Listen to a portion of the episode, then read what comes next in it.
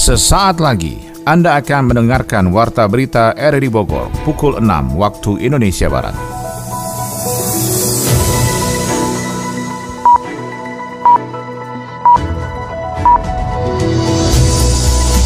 Selamat pagi dan salam jumpa.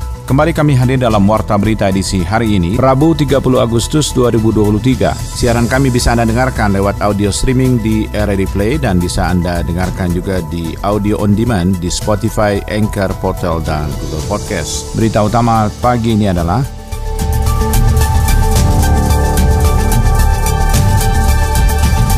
Pengacara orang tua kasus bayi tertukar segera melakukan gugatan kepada rumah sakit yang mengakibatkan tertukarnya buah hati mereka. Sedikitnya 7 hektar sawah di Bogor gagal panen dan ratusan hektar lainnya terancam kekeringan. Saya Mulai Sarto, inilah Warta Berita selengkapnya.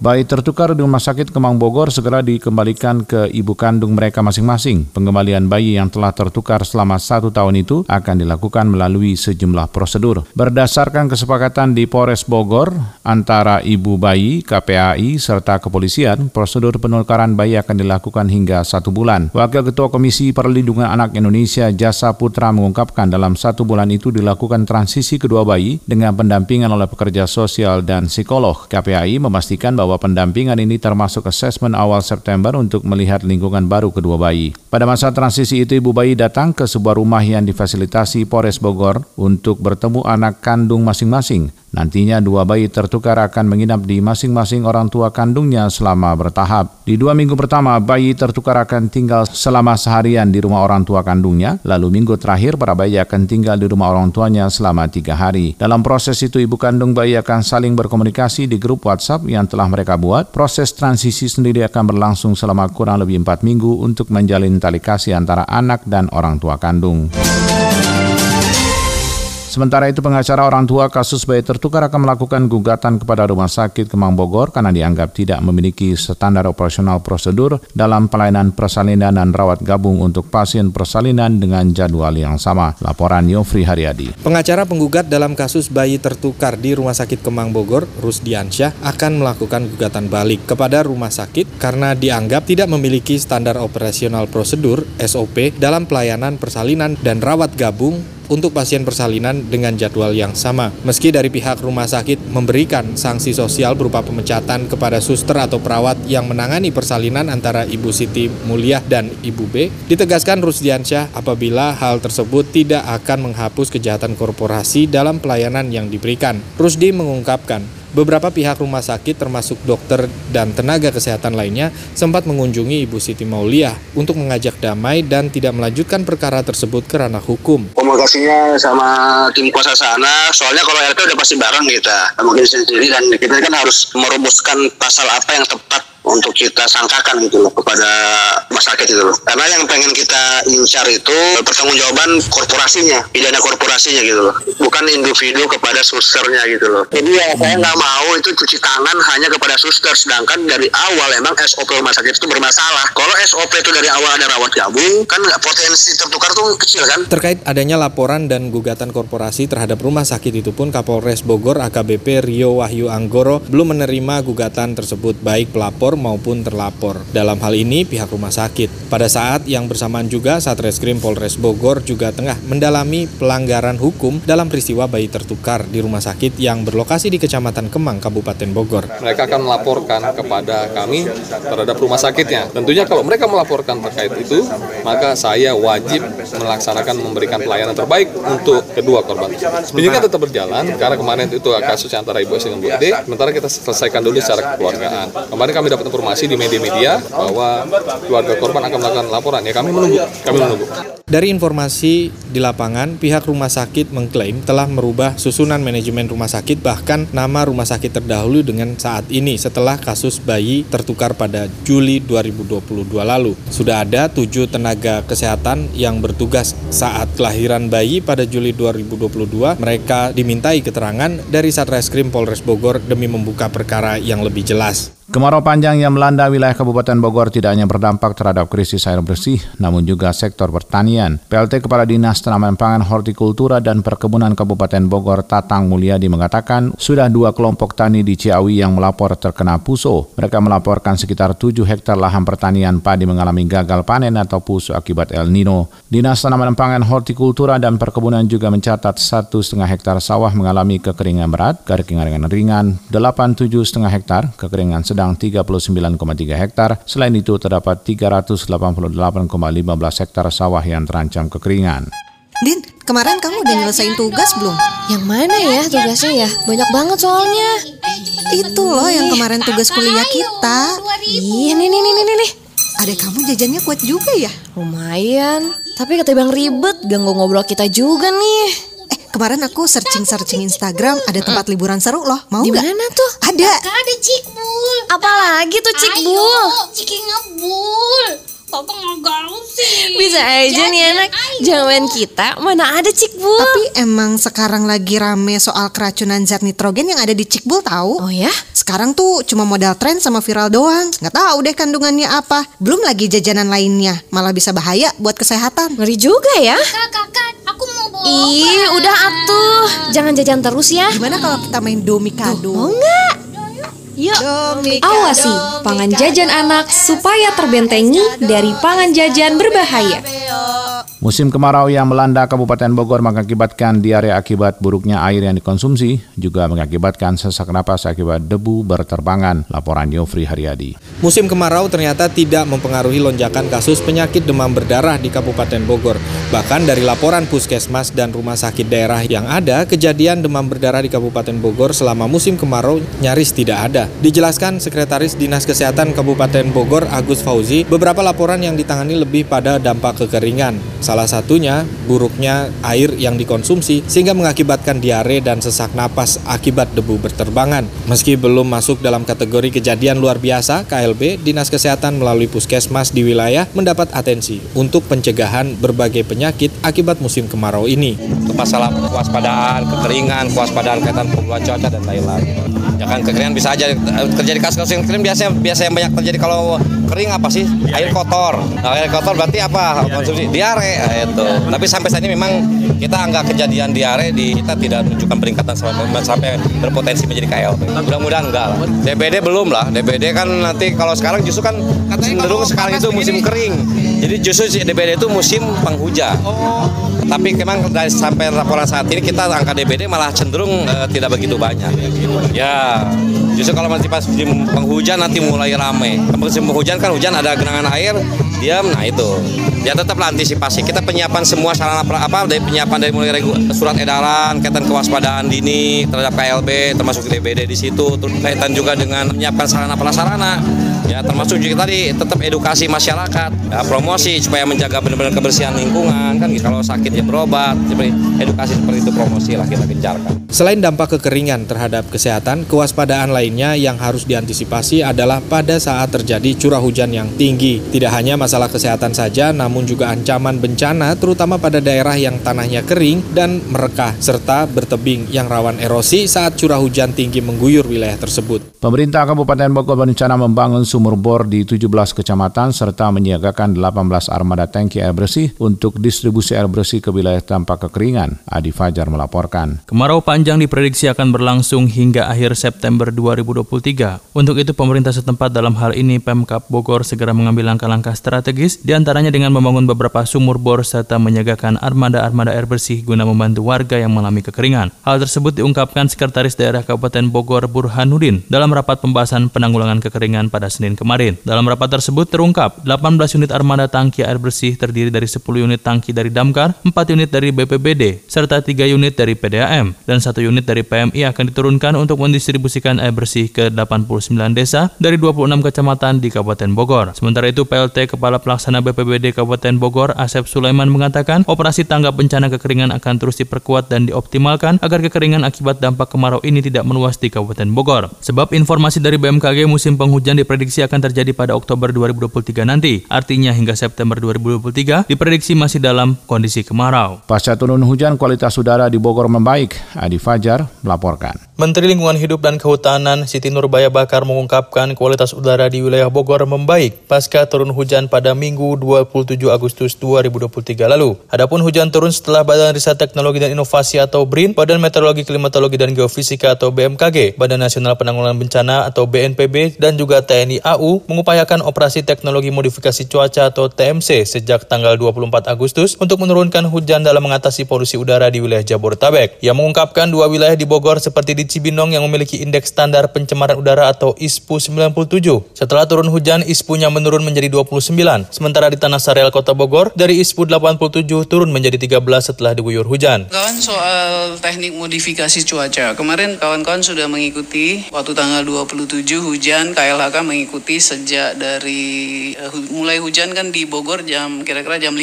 lewat 33 menit ya. Kita KLHK mengikuti terus perkembangannya dan dalam recordnya KLHK Setelah hujan itu pada jam 15.30 dari angka ISPU 97 untuk PM 2,5 itu pada jam 18.30 angkanya drop menjadi 29. Artinya uh, kualitas udaranya jadi baik. Nah, itu yang di Bogor Tegar Beriman. Yang di Bogor Tanah Sareal itu pada jam 16 dari angka 87 itu drop angkanya menjadi e, 13. Siti Nurbaya menuturkan turunnya hujan cukup efektif untuk mencuci pencemaran udara khususnya di wilayah Jabodetabek. Meskipun dalam operasi TMC harus menunggu awan-awan uap air agar bisa dilaksanakan penyemayan kandungan NaCl atau garam. Jadi artinya e, memang seperti saya pernah bilang bahwa kalau pencemaran udara itu naik ke udara lalu berputar-putar di situ aja kan jadi susah tapi ketika dia tercuci memang jadi baik. Menteri Lingkungan Hidup dan Kehutanan Siti Nurbaya juga mengungkapkan polusi udara di Jabodetabek sebanyak 44 persen disebabkan oleh kendaraan, 34 persen oleh PLTU, dan sisanya dari rumah tangga serta pembakaran. Menurutnya Presiden Jokowi sudah meminta kementerian lembaga untuk fokus menangani dan mengendalikan polusi udara agar tidak berdampak luas terhadap masalah kesehatan masyarakat. Bagaimana tanggapan masyarakat terkait pencemaran udara yang terjadi di wilayah Jabodetabek? Berikut penuturannya. Dengan Ibu siapa nih? Ibu Supriyati. Oh, di Perumahan Kerja Cipinang Indah. Ah, Bu Supriyati, ini gimana sih? Ini kan kondisi cuaca panas. Kira-kira tanggapan Ibu seperti apa? Masyarakat harus gimana? Oh, masyarakat harus jaga kesehatan, Pak. Soalnya kan debu berbahaya bagi pernapasan kita. Terus kita harus pakai masker. Oh. Ke mana-mana harus pakai masker sekarang diimbaukan. Soalnya banyak apa penyakit cepat menular ke kita, Pak. Karena cuaca panas begini, pokoknya kita harus jaga kesehatan dah. Dengan Ibu siapa nih? Ratri. Ibu Ratri ya. Iya. Kalau di kita untuk ini ya vegetasi, uh, uh. vegetasi itu kan maksudnya penghijauan. Terus uh, apa sosialisasi untuk mengurangi pembakaran sampah, pengelolaan sampah. Yeah. Jadi untuk ketahanan pangan juga kita maksudnya penghijauan mendirikan KWT mini untuk uh. di lingkungan RT masing-masing, di wilayah masing-masing. Tia. Nah, Tia, ini kan tentang polu, uh, panas udara di Jabodetabek. Menurut kamu kenapa bisa seperti ini? Yang pertama pasti itu karena pengaruh dari ini juga ya pencemaran lingkungan. Karena ngelihat dari polusi udara juga kendaraan yang semakin meningkat pasca pandemi itu juga berimpact dari pencemaran lingkungan itu sendiri. Terus juga masih banyak masyarakat yang kurang peduli sama lingkungan terutama hal kecil kayak membuang sampah sembarangan apalagi misalkan kayak ke sungai itu kan timbulnya efek domino kan Berbagai upaya dilakukan pemerintah Kabupaten Bogor untuk meredam pencemaran udara tidak semakin parah. Selengkapnya kita ikuti wawancara Adi Fajar Nugraha dengan Subkoordinator Penanggulangan dan Pemulihan Pencemaran Dinas Lingkungan Hidup Kabupaten Bogor, Yopi Hermawan. Baik pendengar, saat ini saya sudah terhubung bersama dengan Pak Yopi Hermawan selaku Subkoordinator Penanggulangan dan Pemulihan Pencemaran pada bidang pengendalian pencemaran dan kemitraan dari Dinas Lingkungan Hidup Kabupaten Bogor untuk kita mengetahui bagaimana dampak dan juga penanganan yang dilakukan oleh Kabupaten Bogor dalam menyikapi masuknya wilayah Cibinong dalam 10 besar kota yang tingkat polusinya cukup tinggi di Indonesia. Nah mungkin Pak Yopi menanggapi wilayah Kabupaten Bogor, khususnya di daerah Cibinong ini masuk dalam e, eh, 10 besar kota dengan polusi yang juga cukup tinggi, apa yang mungkin bisa dilakukan dengan penanggulangan itu Pak Yopi? Pertama, Satu, kita memang mau ada mengadakan rapat dalam satu dua hari ke depan ini dengan beberapa SKPD terkait ini. Kedua, kita juga ada rencana melakukan uji emisi. Rencana sih di hari Kamis, bekerja sama dengan Disub dan Oto 2000, uji emisi kendaraan. Nah, itu berarti dari sumber bergerak. Nah, dari sumber tidak bergeraknya, kita tetap ada eval, eh, monitoring terhadap kegiatan-kegiatan usaha industri. Untuk kali tahap ini, karena uh, yang dinilai apa hasil itu adalah Cibinong, kita radius 5 km dari pusat kota, dari DLH lah. Kebetulan di DLH kan kita ada alat AQMS untuk pengendali pencemaran udara. Jadi di titik itu kita hitung radius 5 km, kita cek. Nanti uji sampling emisi juga, di, uji emisi bergerak juga di radius 5 km tersebut mungkin di Pemda uh, atau di Pakansari atau di alternatif Sentul. Tapi langkah-langkah yang sudah dilakukan kita sudah pertama monitoring terhadap kegiatan usaha industri, kedua uh, uji emisi juga sudah pada saat Bogor Fest kemarin, tapi itu di sub yang melakukan di Bogor Fest. Kita DLH dari hari Minggu lalu ini Kamis, Jumat, Sabtu, Minggu kita sudah mengadakan razia atau sidak ke lokasi-lokasi pembakaran sampah liar. Tapi di radius 5 km dulu ya, kita belum bicara ke 40 kecamatan. Ya, skupnya masih kecil karena dulu ya Pak ya, terdekat dulu ya.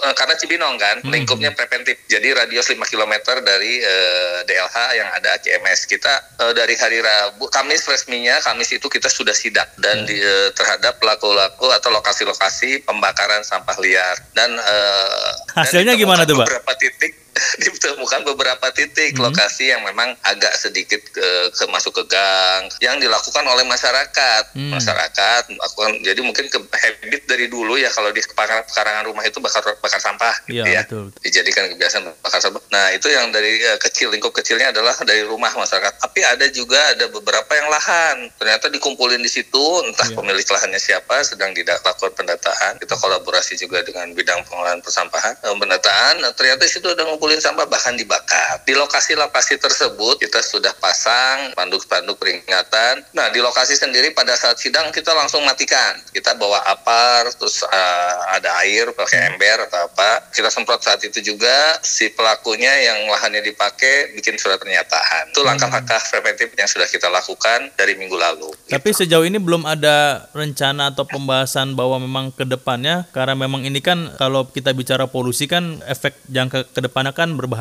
Pak. Tapi apakah ada ya. pembahasan soal kalau memang ditemukan lagi hal seperti itu akan ada sanksi yang akan dikenakan Pak? Pasti ada. Mungkin ke depannya kita ada sesuai Inmendagri kan Inmendagri 2 2023 itu mungkin ya. instruksi Bupati. Tindak hmm. lanjutnya dari Inmendagri itu karena Inmendagri itu mencakup luas juga ya. Ada ya, mulai dari PFH, pengaturan WFH, terus uh, penyiraman jalan. Uh, apakah itu bisa dilakukan di Bogor atau tidak nanti akan ditindaklanjuti. Sebenarnya secara non formal sudah antara SKPD cuma hmm. pertemuan resminya uh, sedang direncanakan nih waktunya. Yang saya tahu seperti itu, Pak Adi. Pak, uh, tadi kan yang ditekankan adalah uh, langkah penanganannya adalah salah satunya dengan uji emisi, Pak. Apakah memang mungkin ya. DLH punya data bahwa kontribusi yang cukup signifikan atau yang besar dari polusi udara ini adalah dari asap kendaraan, Pak, Pak Yopi? Jadi kalau lihat dari PM 2,5 atau PM 10 hmm. di PM 2,5 itu memang disebutkan salah satu penyebabnya PM 2,5 itu adalah emisi. Nah kalau PM 10 itu mungkin dari pembakaran sampah itu sebenarnya masuk ke PM 10. Yeah. Jadi e, kalau lihat dari dasar aturannya itu eh, dasar ketentuannya bahwa PM 2,5 itu ada emisi ya pasti berkontribusi. Masalahnya kita selama ini kalaupun punya data kita hanya data uji saja. Hmm. Uji saya ini misalnya mobil mobil Pak Adi diuji hmm. lolos, mobil saya diuji tidak lolos. Nah itu ada stiker dan uh, sertifikat kan. Uh, berarti random sampling dong Pak ya? Iya, betul, random sampling. Fokusnya nanti juga di hari Kamis yang kita rencanakan itu adalah hmm. kendaraan plat merah dan kendaraan di luar plat merah. Oke. Pak Yopi mungkin ada imbauan kepada masyarakat kita untuk tadi kan memang ada beberapa poin yang memang harus diperhatikan oleh masyarakat kita terutama habit-habit yang memang menyebabkan polusi udara dan segala macam. Ada mungkin himbauan dari ya. uh, Dela sendiri kepada masyarakat Pak Yopi? Himbauan resmi nanti pimpinan ya, tapi kurang hmm. lebih seperti inilah. Hmm. Hasil dari sidak di lapangan kita masyarakat dalam hal melakukan pengelolaan persampahan kan sudah ada tatanannya, sudah ada aturannya pengelolaan gitu. Jangan buang sampah sembarangan. Hmm. Kedua, jangan membakar sampah karena itu salah satu pembakaran itu berkontribusi terhadap kualitas udara. Pembakaran sampah di sekitar rumah kita berdampak pada kualitas udara sekitar rumah kita. Paling tidak kita mengolah sampah kan bisa dengan koordinasi dengan RT RW apakah dilakukan pengangkutan oleh tim kebersihan atau juga ada beberapa cara pengolahan sampah itu misalnya dipilah 3R nanti ke bank sampah terus dimasuk uh, yang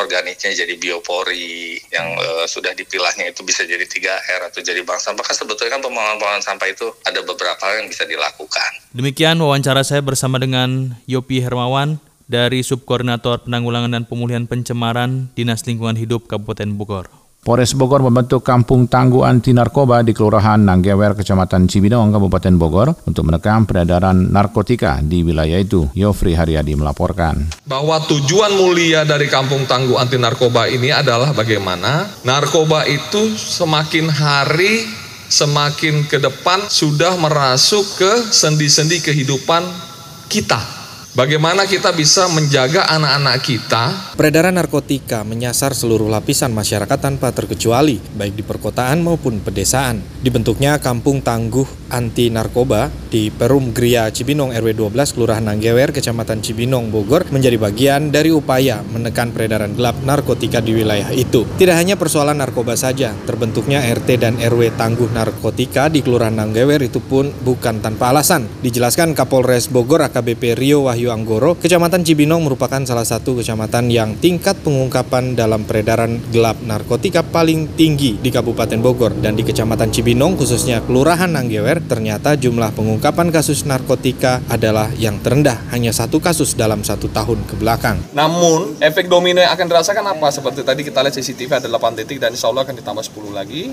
Itu tidak hanya memonitor peredaran narkoba namun juga bisa memonitor situasi masyarakat bagaimana beraktivitas dengan baik. Misalkan ada gangguan keamanan yang lain, copet atau 3C segala macam. Itu adalah langkah-langkah konkret dari pemerintah daerah bersama TNI Polri untuk menciptakan rasa aman dan damai terhadap masyarakatnya. Karena ini kampung di tengah-tengah kota yang di mana dari perhitungan kalkulasi yang kita hitung peredaran narkoba di Cibinong ini paling besar, namun kelurahan ini adalah kelurahan yang paling sedikit dalam satu tahun, yaitu satu, satu kasus. Di komplek perumahan tersebut terpasang 8 kamera CCTV untuk memonitor terutama aktivitas warga, seperti gangguan keamanan lainnya, seperti copet, curat, curanmor, yang diharapkan menjadi percontohan bagi kelurahan atau desa lainnya dalam meningkatkan keamanan dan kenyamanan warga. Didampingi Sekretaris Daerah Kabupaten Bogor Burhanuddin, berharap Cibinong yang menjadi ibu kota Kabupaten Bogor dapat menjadi percontohan bagi kecamatan dan kelurahan serta desa lainnya di Kabupaten Bogor. Pada dasarnya lingkungan ini untuk lingkungan harus lingkungan sehat dan ramah. Bukan hanya kegiatannya di sini narkoba, masalah pengajian, masalah lingkungan hidup, masalah penyuluhan administrasi kependudukan dan sebagainya. Dan saya tadi tekankan, suka tidak suka khususnya Cibinong ini ya sudah jadi ibu kota. Jadi harus jadi percontohan berangkatnya dari Cibinong semua. Program Kelurahan Tangguh Narkoba tidak hanya persoalan penanganan perkara peredaran gelap narkoba. Pada akhir kegiatan itu pun Muspida Kabupaten Bogor meresmikan posko pengaduan anti narkoba berhiaskan mural tematik yang menjadi tempat berkumpulnya remaja dan pusat kreativitas serta olahraga di komplek tersebut. Warga Sukasari Bogor Timur menerima sembako serta pakaian layak pakai dalam sebuah kegiatan bakti sosial yang dilakukan pihak Polresta Bogor Kota bersama elemen masyarakat lainnya. Sony Agung melaporkan. Warga Sukasari Bogor Timur menerima sembako pakaian layak pakai dalam sebuah kegiatan bakti sosial yang dilakukan pihak Polresta Bogor Kota bersama elemen masyarakat lainnya. Polresta Bogor Kota dan Kodim 0606 Kota Bogor bersama dengan mahasiswa dan KNPI Kota Bogor melakukan bakti sosial pembagian sembako dan pakaian layak pakai di RT 3 RW 5 Sukasari Bogor Timur Kota Bogor. Kapolresta Bogor Kota Kombes Pol Bispo Teguh Prakoso mengungkapkan di wilayah yang menjadi titik bakti sosial ini terdapat sekitar 300 warga yang tinggal di daerah padat penduduk. Kerentanan sosial terjadi di wilayah tersebut dengan adanya orang dalam gangguan jiwa ODGJ dan lanjut usia sehingga negara hadir memberikan bantuan sosial untuk dapat meringankan hidup sehingga bisa tetap semangat dalam menjalani kehidupan sehari-hari. Pagi hari ini kami dari Polresta Bogor Kota bersama Kodim 0606 Kota Bogor bersama dengan mahasiswa sekota Bogor bersama dengan Ibu Bayangkari ini melaksanakan bakti sosial bakti sosial TNI Polri bersama mahasiswa kepada masyarakat di RT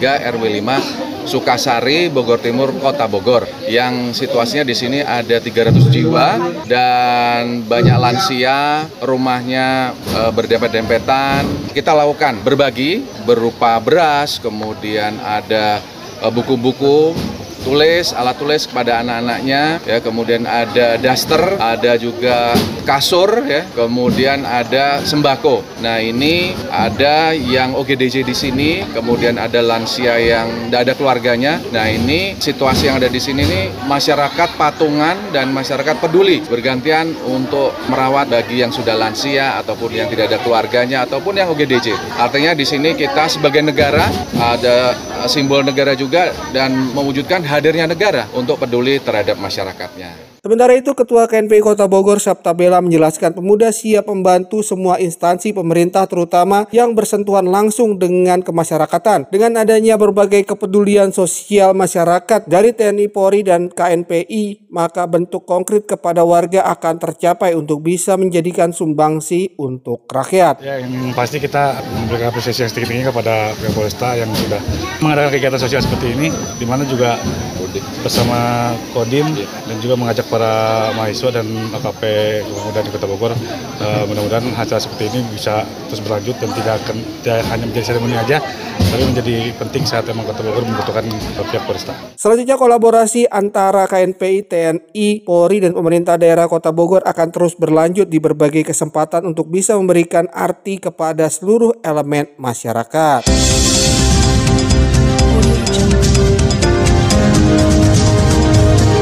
Anda tengah mendengarkan Warta Berita RRI Bogor. Info ekonomi kali ini soal pemerintah berupaya meningkatkan ketepatan penyaluran subsidi. Kementerian Perindustrian menilai rencana kenaikan harga gas bumi tertentu mulai Oktober 2023 akan mengacaukan bisnis industri kimia, farmasi, dan tekstil. Informasi ekonomi selengkapnya dilaporkan Adi Fajar Nugraha. Kementerian Perindustrian menilai rencana kenaikan harga gas bumi tertentu atau HGBT mulai Oktober 2023 akan mengacaukan bisnis di industri kimia, farmasi, dan tekstil. Pemerintah memang berencana menaikkan HGBT sebesar 30% yang saat ini ditetapkan senilai 6 US dollar per MMBTU menjadi sekitar 10 hingga 12 US dollar per MMBTU. PLT Direktur Jenderal Industri Kimia, Farmasi dan Tekstil, Warsito Ignatius mengatakan para pelaku industri sudah menyampaikan keberatannya ke Kemenprin sehingga berharap rencana kenaikan HGBT bisa ditunda. Apalagi selama pandemi COVID-19 lalu, industri kimia, farmasi dan tekstil mengalami tekanan dan belum sepenuhnya pulih. Bahkan dengan harga gas sebesar 6 US dollar per MMBTU bisa membuat industri semakin terpukul. Pemerintah berencana untuk menyesuaikan HGBT. Hal ini tertuang dalam keputusan Menteri SDM tentang penggunaan gas bumi tertentu dan harga gas bumi tertentu di bidang industri. Sementara itu, Direktur Jenderal Minyak dan Gas Bumi Kementerian SDM Tutuka Aryaji mengatakan alasan kenaikan tarif HGBT untuk industri tertentu tersebut karena kondisi lapangan gas yang sudah mulai berumur sehingga biaya produksi gas di lapangan tersebut mengalami kenaikan. Pemerintah berupaya meningkatkan ketepatan penyaluran subsidi. Terkait subsidi energi, pemerintah akan mendorong transformasi subsidi berbasis penerima manfaat. Menteri Keuangan Sri Mulyani mengatakan pemerintah konsisten untuk meningkatkan ketepatan sasaran agar subsidi benar-benar dinikmati masyarakat yang membutuhkan. Ia mengatakan pihaknya mendorong transformasi subsidi energi berbasis penerima manfaat. Pelaksanaan transformasi ini menimbang kondisi perekonomian hingga infrastruktur. Sebagai informasi, Kementerian SDM akan mengatur pembelian LPG 3 kg dengan cara mendata dan mencocokkan data pengguna. Mulai 1 Januari 2024, hanya pengguna yang telah terdata saja yang boleh membeli LPG 3 kg. Direktur Jenderal Minyak dan Gas Bumi mengatakan kebijakan ini bertujuan agar subsidi yang diberikan pemerintah lebih tepat sasaran atau dinikmati sepenuhnya oleh kelompok masyarakat yang tidak mampu.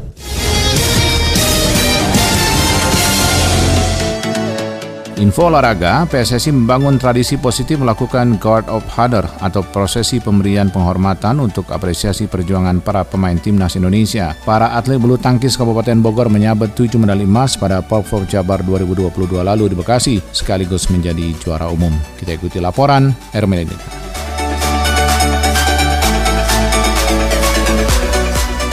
Prestasi gemilang yang kerap ditorehkan para atlet bulu tangkis Kabupaten Bogor memang sudah banyak diketahui masyarakat di bumi Tegar Beriman. Salah satunya saja prestasi gemilang yang menyabet tujuh medali emas pada Porprov Jabar 2022 lalu di Bekasi dan membuat cabang olahraga di bawah nahkoda Dedi Budi Sumardi menjadi juara umum. Berbicara prestasi gemilang tentunya ada pembinaan yang luar biasa sebelumnya. Bahkan ada progres metode regenerasi yang dilakukan untuk mencetak para atlet juara. Budi Sumardi selaku Ketua PBSI Kabupaten Bogor mengatakan untuk bisa mencetak atlet prioritas juara itu tidak mudah perlu program yang panjang saat para pebulu tangkis masih dalam usia dini. Metode pembinaan sejak dini yang konsisten nantinya akan memberikan hasil yang maksimal. Bukan hanya dari sisi prestasi saja namun juga proses regenerasinya juga.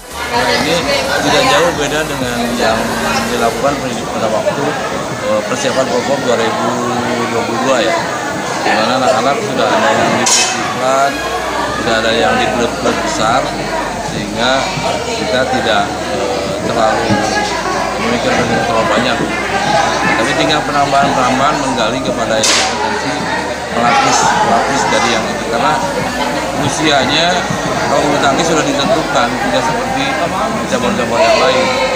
Bulu tangkis untuk 2026 itu sudah kelihatan usia usia yang digunakan adalah usia kelahiran 2007 jadi kalau dulu lagi eh, harapannya kalau kita usia 2007 sekarang berarti untuk ke 2026 mereka sudah matang Sementara itu, Dedi Budiman, pengurus KONI Kabupaten Bogor, sebelumnya melakukan kunjungan ke cabang olahraga bulu tangkis di GOR 88 Pagelaran Cibinong. Kedatangan pengurus KONI ini di mana adalah untuk melihat kesiapan para atlet PBSI berlatih. Dedi Budiman sangat optimis pada Porpros Jabar 2026. PBSI Kabupaten Bogor bisa meraih hasil yang maksimal. Dedi Budiman optimis PBSI Kabupaten Bogor bisa mengharumkan nama daerah di Jawa Barat. Kalau lihat seperti ini membanggakan ya, karena kelihatannya mereka latihan juga hampir tiap hari. Di samping itu juga memang ada beberapa juara yang, yang ada beberapa pemain yang tidak menjadi juara.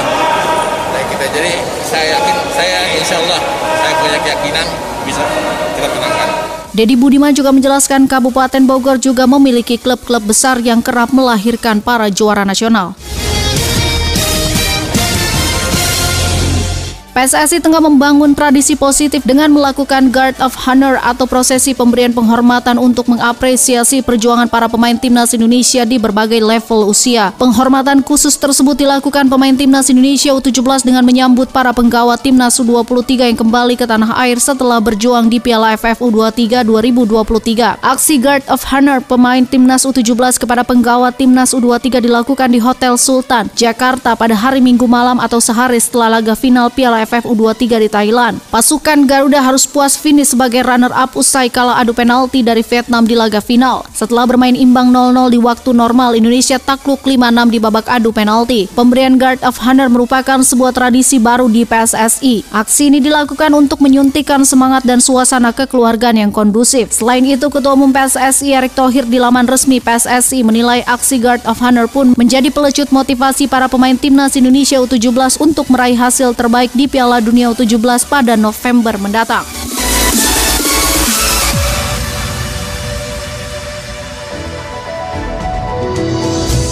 Demikian rangkaian informasi yang kami hadirkan dalam Warta Berita di edisi hari ini. Sebelum berpisah, kami kembali sampaikan berita utama. Pengacara orang tua kasus bayi tertukar segera melakukan gugatan kepada rumah sakit yang mengakibatkan tertukarnya buah hati mereka. Sedikitnya 7 hektar sawah di Bogor gagal panen dan ratusan hektar lainnya terancam kekeringan. Mewakili kerabat kerja bertugas, saya Maulana Estato mengucapkan terima kasih. Selamat pagi.